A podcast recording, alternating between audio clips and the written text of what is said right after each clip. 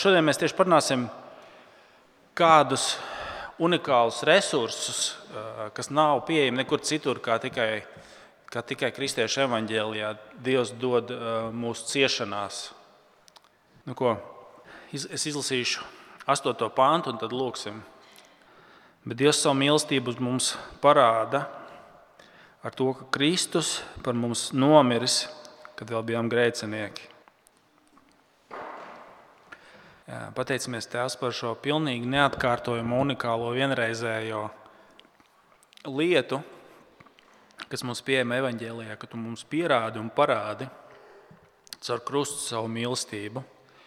Palīdz, lai tiešām tagad, kad mēs klausīsimies tavu vārdu, lai mēs tiešām sadzirdam tavu balsi, lai tas mūs pārliecina un lai tas mums tiešām palīdz par stipru iedrošinājumu, priekam grūtībās, ciešanās, pārbaudījumos, lai kādi tas katram nebūtu lielāki, mazāki, lai mēs tiešām mācāmies iegūt prieku, skatoties uz to godības pilno nākotni, ko tu mums esi sagatavojis Kristū.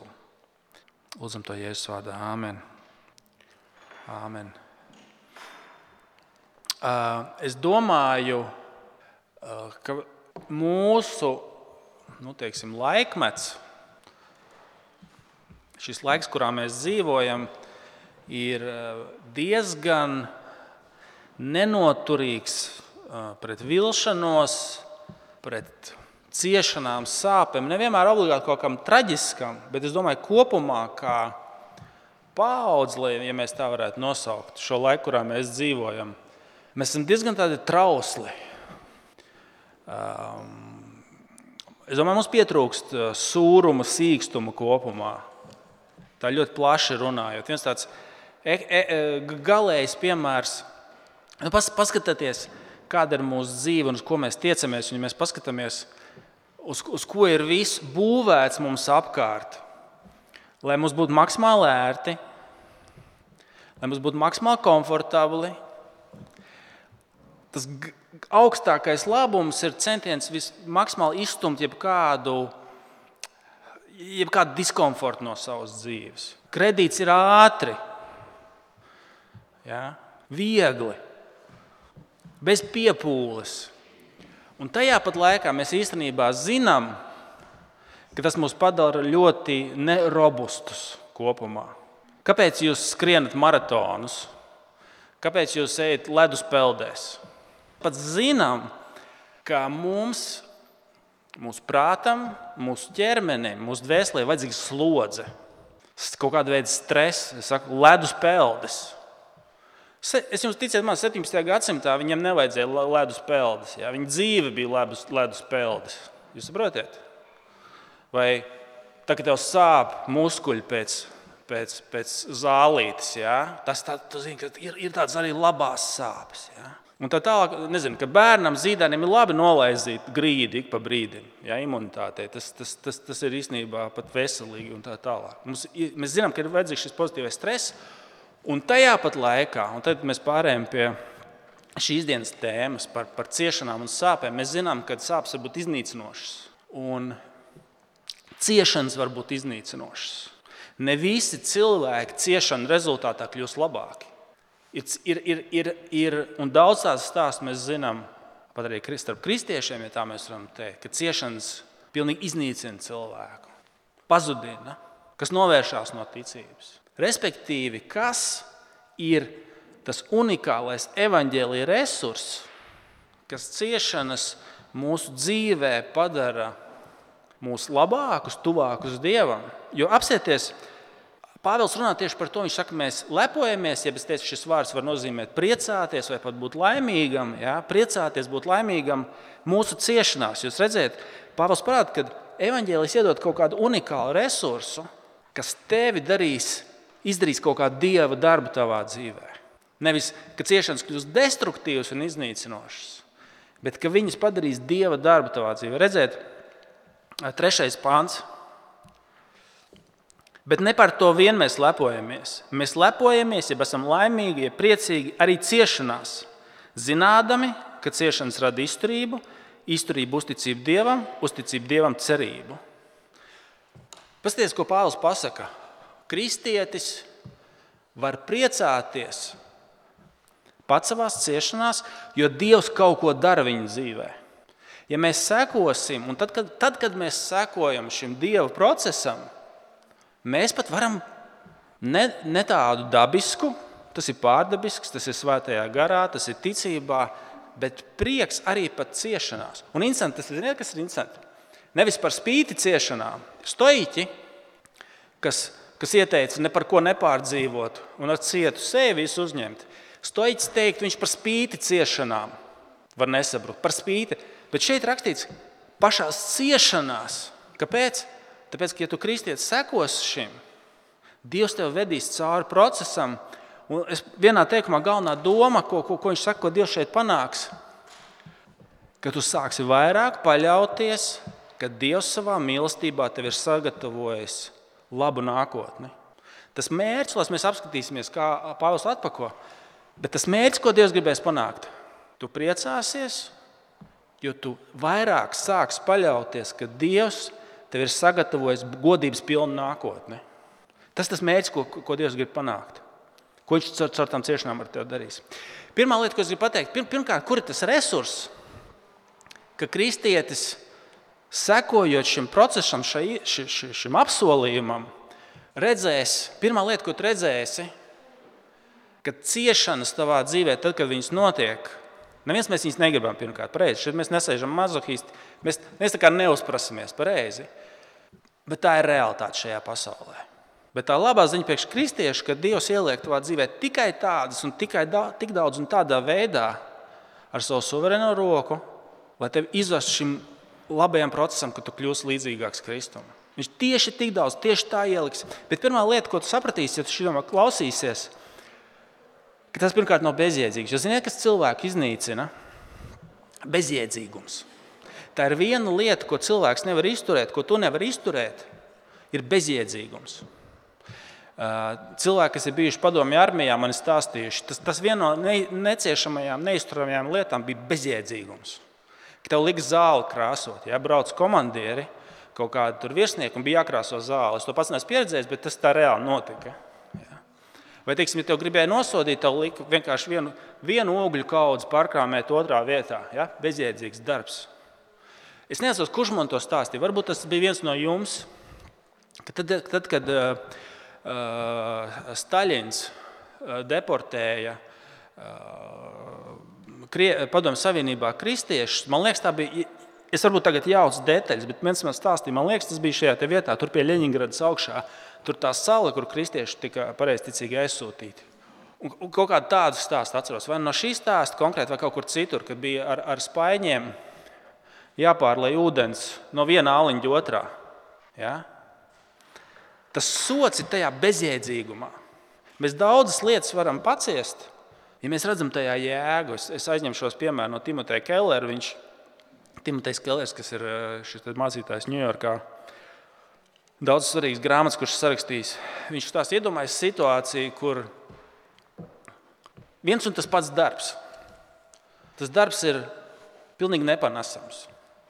Tas ir 8 stundas dienā, tev aiz loga ir betona siena, tu sēdi pie galda, un 8 stundas dienā tev ir viena papīra kaudze, jāpārkrāmē uz vienkārši no vienas vietas otrā, no vienas visu laiku. Bet tagad iedomājieties to pašu darbu, un tev mē, galu galā tā alga ir 2 miljoni mēnesī. Hmm. Varbūt tas, tas nav nemaz tik traki. Tas tas, ir, tas, ir, tas ir briesmīgi, bet, ja tev ir kaut kāds rezultāts tajā visā, tad, ok, ok, lai cik tas nebūtu grūti, es, to, es, es, to, es tikšu tam kaut kā cauri. Jo tev ir gaisma tuneļa galā, tev ir kaut kāds burkāns, teiksim, tā. Tev ir, tev ir kaut kāda jēga tam visam beigās. Un tagad paņem to, to nost, un tas ir iznīcinoši. Un tas, tas, ko Pāvils šeit pirmkārt pasaka, tas, ka tu ieraudzīsi pirmās zāles, tev kristieti ciešanās, būs tas, ka tu ieraudzīsi, ka Dievs kaut ko dara. Šis apsolījums, ka Dievs dara, pas, pastieties šajā procesā, ko, ka, kas te mums ir aprakstīts. Ja?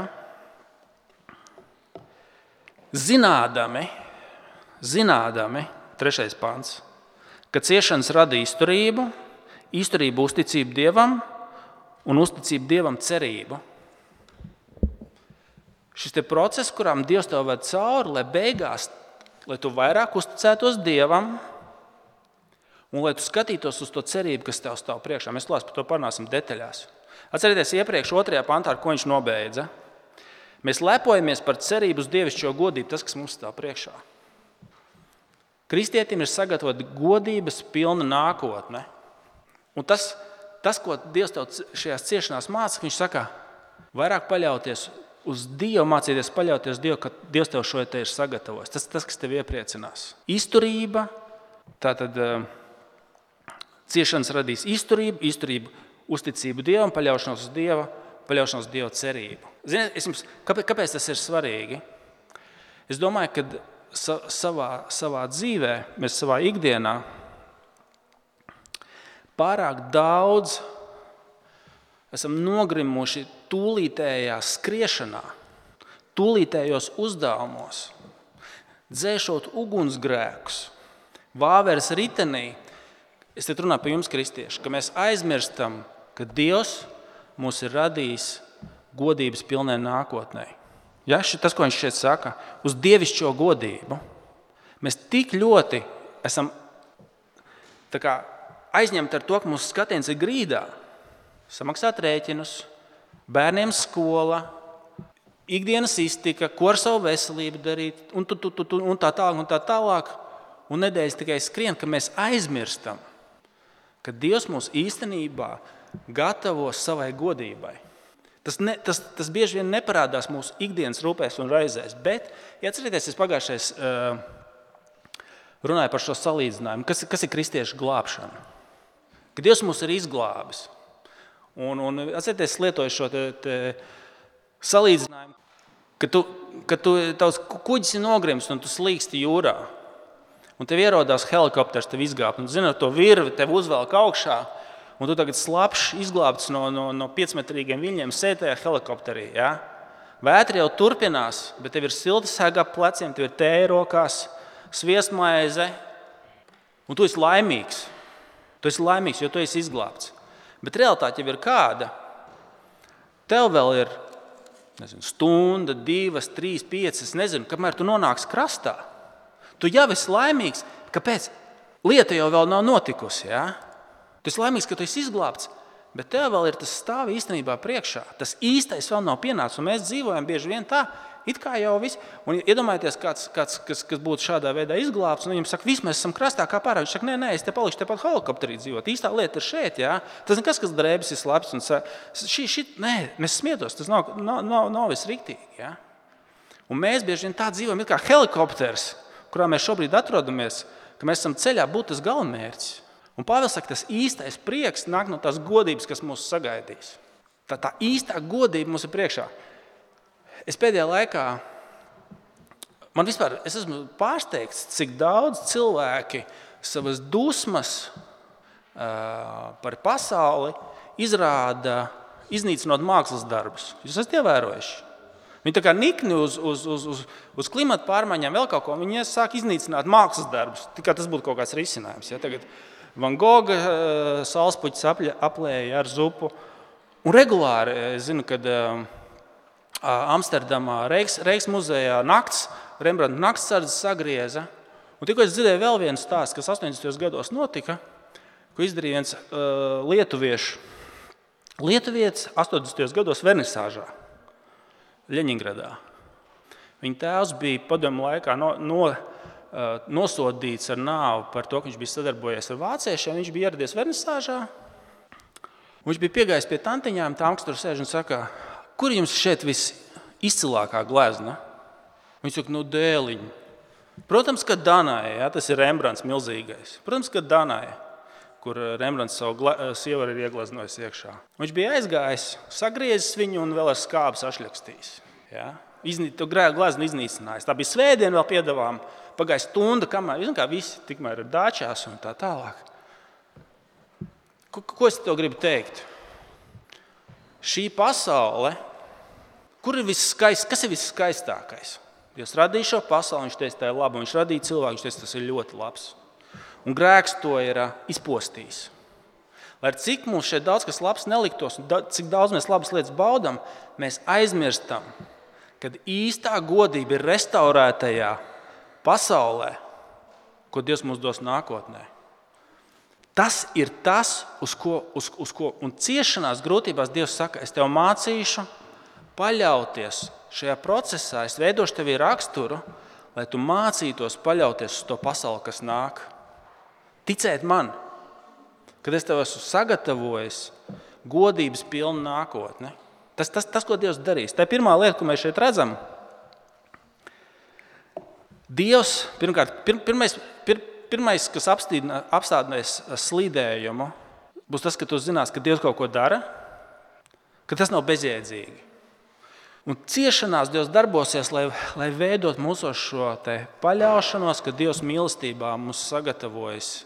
Mēs priecāsimies par to, ka Dievs ir sagatavojis godības pilnu nākotni.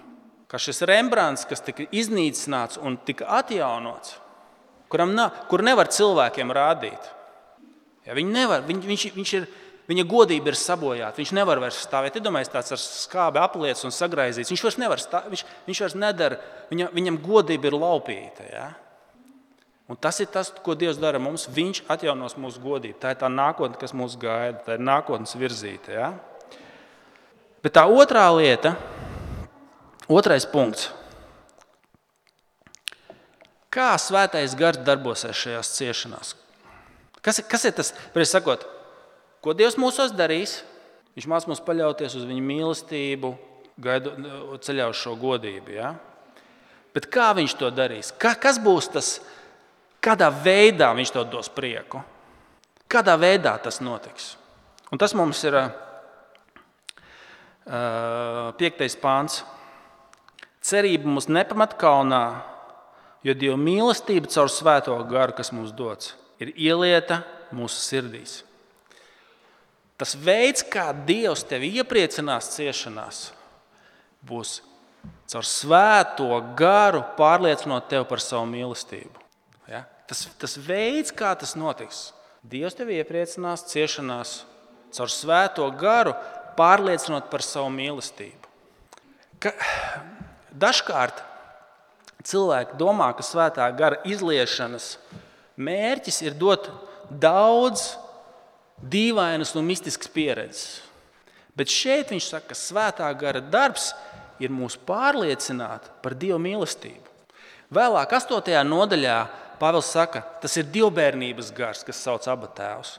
Respektīvi, svētā gara Uzdevums ir pārliecināt, ka mēs esam Dieva bērni un ka Viņš mūs mīl. Tas ir dievbijības gars, kas mūs pārliecina par Dieva mīlestību. Šaka, tā cerība būs nepamat kauna. Kas ir tas, kas tu esi pārliecināts par to cerību, kas nāk? Tāpēc, ka Dievs tev ir izlējis savu mīlestību eh, tavā sirdī. Pie kam ievērojot šis vārds - izlējis. Grieķu valodā šis vārds ekheo ir pārpludināt. Dievs nedod savu mīlestību sīksti un pa pilieniņam. Tā, drusku knapi, knapi. Bet Dievs savu mīlestību dod lielā daudzumā, Viņš pārpludina. Ja? Dieva mīlestība ir cerība nepamat mūsu kaunā, jo Dievs savu mīlestību izlēja mūsu sirdīs lielā daudzumā. Tā ir pirmā lieta, kas jāzina. Tas veids, kā Dievs tevi uzturēs savā cieš, ciešanās. Kad tu zināsi, ka Dievs tevi ļoti, ļoti, ļoti mīl, lielā daudzumā, pārpludināts sirds Aba tēvs, dievbijības gars, kas tev bagātīgi pārliecina, ka Dievs tevi mīl. Ziniet, kas ir? Es visdrīzāk domāju, ka daudz no jums saka, es kaut kā savā ciešanās īpaši nejūtos. Tieši man liekas, man otrādi liekas, ka nevis ka Dievs man mīl, bet tieši viņš, viņš man nemīl. Vai šeit nav kaut kāda pretruna? Un atbildi trešajā punktā. Atbildi trešajā punktā. Atbildi trešajā punktā. Proti, ka tas veids, kā, kā mēs satveram šo mīlestību, ir saistīts ar to, ka mēs daudz domājam, ko Dievs ir izdarījis mūsu labā. Jo ievērojiet, Pāvils saka, ka Dievs ir bagātīgi iz, izlējis mīlestību, mums ir bagātīgi pārpludinājis.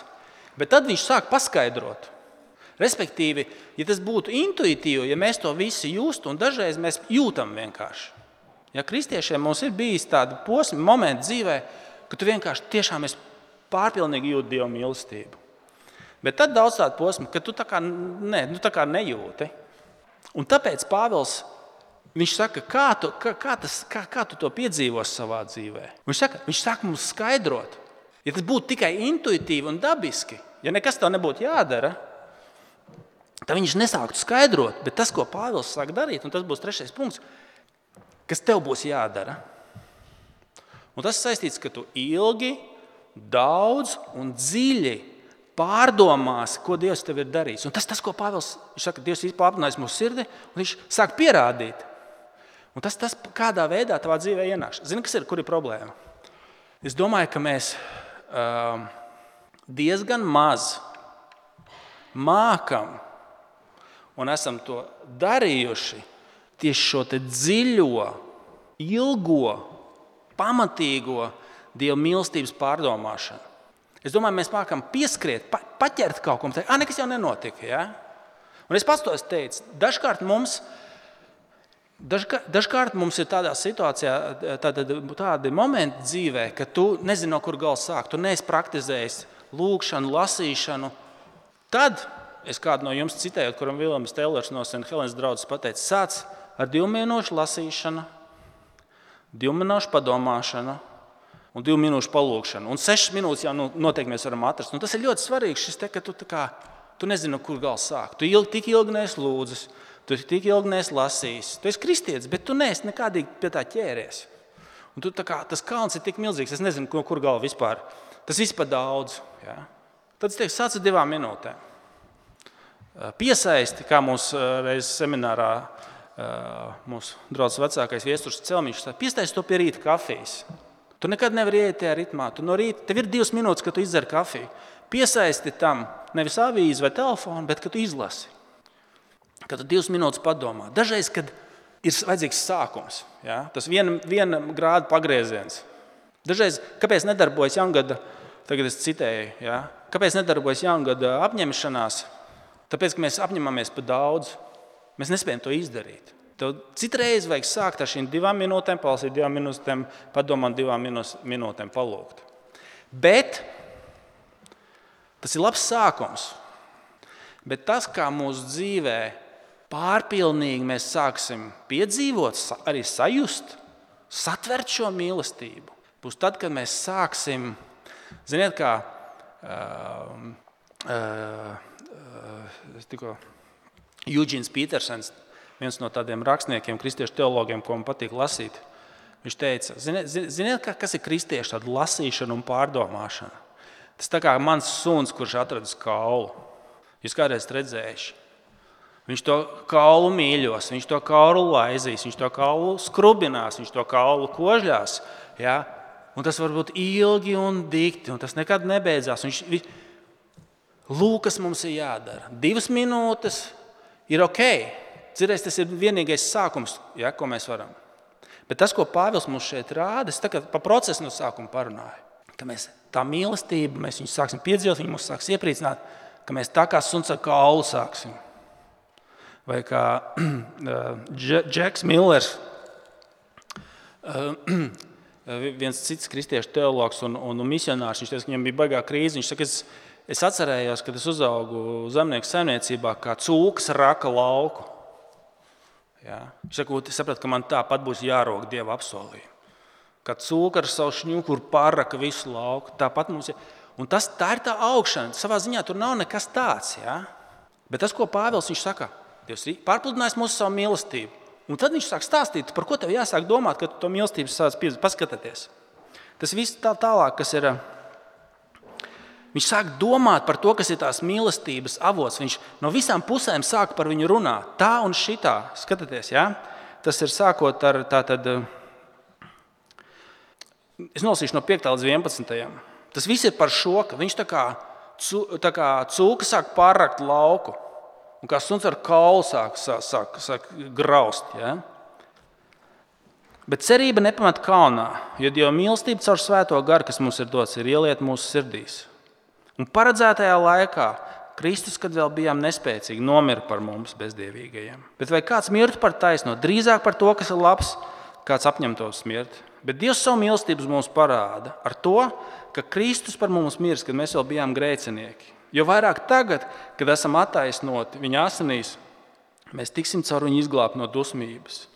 Ja būdam dievi ienaidnieki, guvām izlīgumu ar Dievu, viņa dēla nāvē. Cik daudz vairāk, būdam izlīguši, tiksim izglābti viņa dzīvībā. Un ne tikai par to, pat lepojamies Dievā caur mūsu kungu Jēzu Kristu, kurā tagad esam saņēmuši izlīgumu. Lai satvērtu šo mīlestību, Pāvils sāk pierādīt. Viņš saka, Dievs ir pārpludinājis mūsu sirdī mīlestību, bet kā mēs to varam zināt? Tas nav tikai intuitīvi. Viņš liek mums domāt. Saka, skaties, skaties, domā, domā par šo. Vienu piebildi. Kristietība saistīsies un šīs mīlestības pieredze tavā dzīvē, arī kad tu viņā staigās, sāksi ar to, ka tu daudz par viņu domāsi. Tu grauzīsi kā suns kaulu. Tikmēr, kamēr tu, tu, teikt, tu, tu viņā, viņā staigāsi. Pasties, un tā galvenā doma, Pāvils saka, no visām pusēm, tā un šitā, tā un šitā. Galvenā doma, ko viņš šeit mums pasaka šajos sešos pantos, ir, ir viena lieta. Dievs savu mīlestību tev parādīja, tad, kad tu biji viņa ienaidnieks. Tad cik daudz vairāk, tagad, kad viņš tev, tev ir glābis, cik daudz vairāk, viņš tev tagad savu mīlestību dot un izglābtu tevi, tevi galā.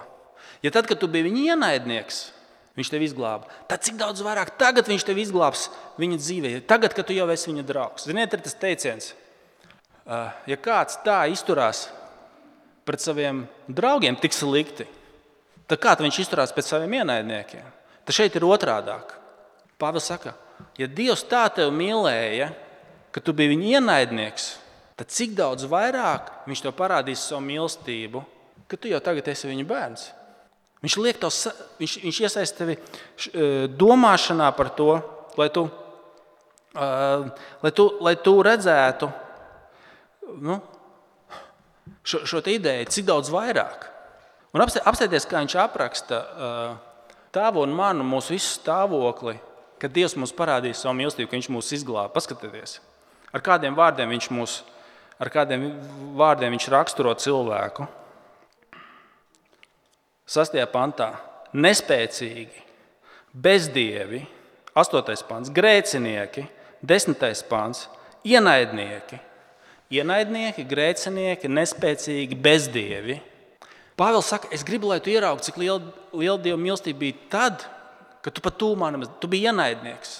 Tu biji miris savos grēkos un pārkāpumos. No tevis nebija nekāda. Tas, ko tu iene, pienesi savai pestīšanai, bija tavi grēki. Tas, ko tu pienesi tam izlīgumam ar Dievu, bija savu bezdievība. Dievs atnāca pie tevis un viņš uzņēmās iniciatīvu, viņš pabeidza tavu glābšanu. Tad, kad tu viņu pat nemeklēji, kad tu pat nebija ieinteresēts, tu biji viņa ienaidnieks, tu biji ienaidā ar Dievu. Tad, tad, kad tu jau esi viņa bērns, tad cik daudz vairāk viņš tev savu mīlestību parādīs.